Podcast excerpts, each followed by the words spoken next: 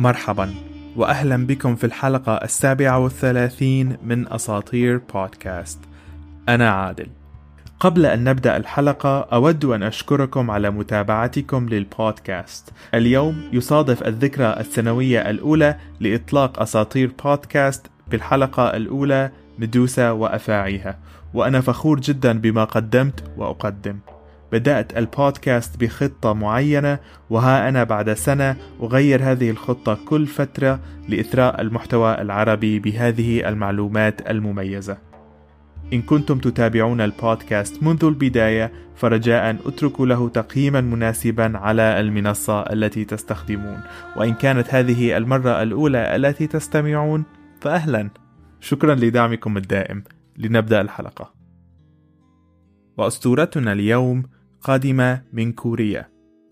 حلقة اليوم ستروي الأسطورة الأكثر شهرة من مجموعة الأساطير الكورية التي ترتبط بمواقع جغرافية داخل كوريا أكثر من ارتباطها بدين معين.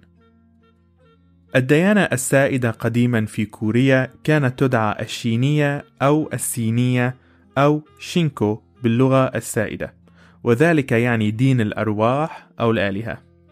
صنف هذا الدين من قبل الخبراء على أنه دين شعبي مما يعني أنه عبارة عن مجموعة من الآراء والممارسات الدينية المنتشرة بين الناس بعيدا عن اللاهوتية المتشددة أو أشكال الطقوس الدينية للدين الرسمي أو بجانبها مما يعني أن الدين الشعبي مرتبط بالهوية الثقافية للمرء ويتضمن تقاليد مثل تأليه الموتى وعادة ما يتغير الدين مع تغير الزمن. فأغلب التعاليم يتم تلقيها شفهيا فقط ومع الزمن تأثرت الشينية بالديانات المجاورة لها مثل تاوزم والبوذية. أعداد ممارسين هذا الدين ضئيلة جدا في يومنا هذا. قام متبعي هذه الديانة بالصلاة لنفس الأشياء التي يصلي لأجلها الناس في وقتنا هذا مثل الصحة والتوفيق والرزق. في الشينية يحق للرجال والنساء تقلد مناصب دينية وتكون مهمتهم الأولى هي التواصل مع الأرواح والآلهة في العالم الروحي. يؤمن متابعين الديانة الشينية بوجود عدة آلهة وكائنات خارقة تدعى سن أو كويسن. الأرواح بنظرهم حساسة، ومن السهل إزعاجها، فإذا أراد المرء حظا جيدا وجب عليه توخي الحذر وإظهار الاحترام والتقدير. بعد الموت يقولون أن روح المرء تسعى في الأرض قبل دخولها عالم الأرواح، وقبل العبور على المرء أن يقف في محكمة الملوك العشرة. في المحكمة يحكم على الإنسان إما بالنعيم أو الشقاء. إن كان الإنسان سيء في حياته على العالم الفاني فستفتح إحدى بوابات الجحيم العشرة لاستقباله. مفهوم الفضيلة في الشينية ركز على الخير العام وقلل من أهمية رغبات المرء بالمقارنة. لا يوجد عندهم مفهوم الخطيئة الذي نعرفه في الديانات الإبراهيمية، لكنهم يمتلكون المحرمات والمنهيات لأسباب مختلفة، مثل الخرافات المتعلقة بالحظ السيء أو النحس، مثل النهي عن المشي تحت السلالم لمنع الحظ السيء. بالحديث عن أساطير الوجود بالتحديد، يوجد تقارب بين أساطير كوريا وأساطير المناطق المجاورة لها مثل أسطورة بانجو الذي تحدثنا عنه في الحلقة الثلاثين والأسطورة اليابانية التي تحدثنا عنها في الحلقات الخامسة والعشرين والحلقة الثانية عشر ولكن لهذه الحلقة اخترت الأسطورة المختلفة إحدى الأساطير المقتبسة من الأساطير الصينية تذكر بشكل أساسي في إحدى الطقوس والتراتيل من الجوت وهي مجموعة طقوس لتقديم الأضاحي للآلهة والأرواح والأجداد مجموعة بالرقص والصلوات والعزف. يتم القيام بهذه الصلوات لعدة أسباب منها اختيار الكهنة وعادة ما تختار الآلهة الكهنة عن طريق المساس بهم والتحكم في أجسادهم.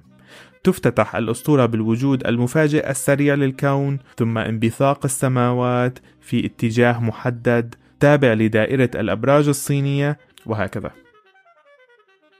عنوان حلقة اليوم هو النمر والدب في الكهف المظلم أسطورة الوجود الكورية تقول الأسطورة أنه في البداية وجد الكون على عجل انبثقت من العدم السماوات وهي منفتحة نحو الأعلى ومن بعدها الأرض. في السماوات عاش ملك السماوات الإله هوانين. كان لهوانين ولد مبارك وكان يدعى هوانونغ وكان مقيما مع أبيه في السماوات فوق الأرض فوق جميع المخلوقات من بشر وحيوانات. كان مهتما في البشر بالذات وأراد أن يراقبهم عن قرب ليتعلم منهم ويعلمهم ما يعلم. حمل نفسه وذهب إلى عند أبيه ليستأذنه. وعندما دخل عليه حياه وطلب منه أن يسمح له بالنزول إلى الأرض. من بين الغيوم في الأعالي نظر هوانين على الأرض بتفحص. نظر إلى الجبال والشواطئ والسهول وكل ما عليهما من مخلوقات. قيم الموقف ثم نظر إلى ابنه وأعطاه الموافقة. ولكن كانت هنالك عدة شروط. أولها كان مكان النزول. طلب ملك السماوات من ابنه أن ينزل على جبل تيبيك المبارك عند شجرة الصندل المباركة. أما الشرط الثاني كان بمثابة مهمة لهوانونغ وكانت أن يقوم بإنشاء مدينة مكان نزوله وأن تكون تلك المدينة مباركة وأن تكون تحت قيادته أيضا وأن يسميها شينسي مدينة الرب. أو مدينة الأرواح لتكون مقرا له ولشعبه. أما الشرط الثالث فكان أن يأخذ معه ثلاثة أختام مقدسة من السماوات ألا وهي جرس ومرآة وسيف. لا نعلم ماهية هذه الأشياء ولا مهمتها ولكن هوان أراد لابنه أن يتملكها. وأخيرا الشرط الرابع هو أن يصطحب معه ثلاثة آلاف أتباع مخلصين من السماوات إلى الأرض. عندما انتهى من إلقاء شروطه لاحظ هوانين أنه حزين على فراق ابنه فهو لم يكن معتادا على ذلك ولكن مع هذا لم يغير من رأيه بشيء. فرح الشاب المبارك بما سمع وبدأ على الفور التجهيز لرحلته إلى الأرض. جمع الأتباع المخلصين وجهز الأختام المقدسة لمرافقته. ودع أباه واتجه نحو الأرض حتى على الأرض فوق الجبل وكان معه أتباعه الثلاثة آلاف. وعلى الفور بدأ بتنفيذ وصايا هوان. ذهب إلى عند شجرة الصندل المقدسة وأعلن قيام مدينة شنسي المباركة تحت ظلها. وأعلن نفسه حاكما إلهيا على البشر وبدأ مهامه وأعطى نفسه المركز القيادي والملكية والحكم على 360 أمرا من أمور البشر مثل الحبوب المغذية والبقوليات الحياة والعمر والأمراض العقاب والفضيلة والخطيئة. وفي رواية أخرى لم يمتلك البشر الفهم الكافي أو الاستيعاب اللائق لفهم هذه الأمور أو للزراعة. فبعد نزوله على الأرض وإقامة المدينة المقدسة بدأ على الفور بنشر العلم والمعرفة بين البشر فعلمهم الزراعة وأعطاهم مفاتيح الحياة مثل صناعة الدواء وصناعة الفن. ثم سن القوانين لهم ونشرها بينهم لتحكمهم بالعدل. كانت جميع المخلوقات تحت سلطته وتضمنت حاشيته عددا من المقدسين مثل إله الرياح وإله الأمطار وإله الغيوم. وكلهم ساعدوه في مهمته على الأرض والحفاظ عليها.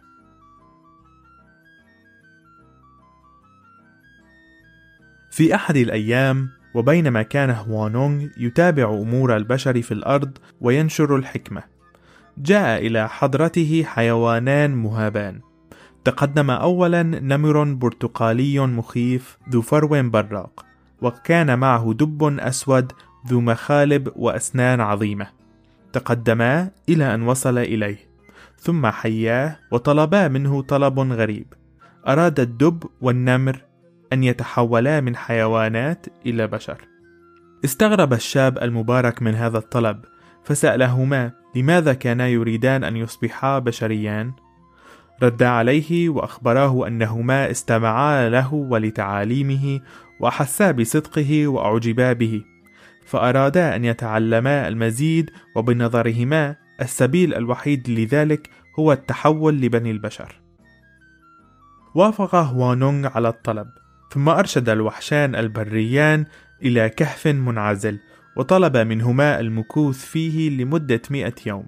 خلال هذه الأيام لا يجب عليهما أن يروا الشمس ثم أعطاهما سلتان الأولى فيها رؤوس الثوم الخضراء والثانية فيها نبات الشيح المر. وقال لهما إن أردتما أن تصبحا من بني البشر عليكما أن لا تأكلا أي شيء سوى ما تحتويه هاتان السلتان. وفعلا أخذ النمر والدب الخضار ودخلا إلى الكهف متحمسان. ولكن قبل أن يدخلوا إلى الكهف ذكرهما هوانونغ أنهما لا يمتلكان إلا فرصة واحدة ليحصلا على ما يريدان. وأن أي عصيان سيمنعهما من التحول. في الأيام القليلة الأولى أبدى الدب والنمر صفات التحمل والارتداع الحسنة فكانا يتقاسمان الأكل بالتساوي ويساندان بعضهما البعض في العتمة. أجد نفسي في هذه الأسطورة أملأ فراغات الأحداث بسبب قلة المصادر وشح المعلومات. وهنا بالذات أود منكم أن تتخيلوا كيف قضى الدب والنمر وقتهما مع بعضهما. من المعقول أن نقول هنا أنهما أصدقاء. أولا لأنهما تشاورا وتحدثا عن هوانونغ قبل لقائه وثانيا لأنهما أتيا مع بعضهما البعض. ماذا كنتم لتفعلوا لتمضية الوقت لو كنتم عالقين مع أصدقائكم المفضلين لمدة مئة يوم في كهف مظلم؟ أظن أن الموقف هنا روحاني بما يعني أن الدب والنمر يستشعرون المعاني السامية لهذه التضحية ويتفكرون بالنتيجة أكثر من الكهف المظلم وشح الطعام. وعلى ذلك بإمكانكم أن تتخيلوا الأحاديث بينهما. لنتابع. بعد مرور قرابة العشرين يوم بدأ النمر بفقدان صبره فهو صياد ماهر. ولم يمكث فترة كهذه من قبل بدون أكل اللحوم الطازجة. أما الآن فهو مجبور على أكل الشيح المر والثوم الأخضر ولم يرد أن يتابع ولم يرى أن الغاية تبرر له هذا العذاب الذي كان يمر به. بعد أن أقنع نفسه بهذا الرأي قام من على أرض الكهف وبدأ بالمشي تجاه المدخل. عندما ضربت أشعة الشمس فروة جسده البرتقالية لم يكن هنالك مكان للعودة. في داخل الكهف جلس الدب وحيدا مع الشيح والثوم في الظلام. أكل الخضار وجلس بصبر إلى أن انقضت المدة. في صباح اليوم المئة استفاق الدب من نومه على حياة جديدة. فتح عيناه ولاحظ أن بصره قد اختلف. نظر إلى جلده ولاحظ أن فروه كان قد وقع من على جسده أين هي المخالب؟ علم الآن أنه من بني البشر وخرج إلى خارج الكهف وهناك ظهر بكامل حلته. تحول الدب إلى امرأة يافعة جميلة تدعى أونيو. فرحت أونيو الشابة بحلتها الجديدة. بعد خروجها من الكهف توجهت نحو شينسي لتجتمع ببني جنسها الجديد ولكن لصدمتها لم يرد البشر أن يجتمعوا معها أو أن يعاشروها حيثما ذهبت تركوا المكان فماضيها يخيفهم. حاولت مرارا وتكرارا أن تصاحب البشر ولكن كل محاولاتها ذهبت السدى فقررت أن تنعزل عنهم وابتعدت. بعد فترة وجيزة بدأت بالشعور بالوحدة ولم تعلم ما الذي يتوجب عليها أن تفعل لكي تحظى بثقة البشر. بعد تفكر وتفكر قررت أنها لا تريد صحبة البشر إنما أرادت أن تحظى بطفل من لحمها ودمها. لم تعد إلى عند البشر ولكنها عادت إلى شنسي إلى عند شجرة الصندل المباركة وجلست تحتها وبدأت بالصلاة. صلت لكي تحظى بطفل خاص بها. عادت كل يوم إلى الشجرة لكي تصلي طالبة الطفل. وفي أحد الأيام نزل عليها الإله الشاب هوانونغ مجاوبا لطلبها بنفسه. كان قد سمع صلواتها وأشفق عليها. فاتخذ حلة بشرية تاركا حلته المقدسة ثم اتخذها زوجة له. وبعد بعض من الزمن حملت وأنجبت صبيا مبارك. وكان قدره أن يقود البلاد وكان اسمه دانجون وانجيوم عندما كبر الصبي أقام العاصمة الأولى في حصن بيونغ يانغ وأسس مملكته جوسون العظيمة في عام 2333 قبل الميلاد. لاحقا دون المؤرخون هذه المملكة تحت اسم جوجوسون لتفريقها عن سلالة جوسون الملكية اللاحقة. وفي وقت لاحق قام دونغن بنقل العاصمة إلى جبل بايكاك ومن ثم إلى أزدال ومن ثم أعادها إلى حصن بيونغيانغ. وحكم الشعوب لمدة 1500 عام. نشر فيها العلوم والعدل والفضيلة. ومن بعدها ارتقى من على الأرض إلى أعالي الجبال. وهناك أصبح روحا للجبال وكان عمره آنذاك 1908 سنوات.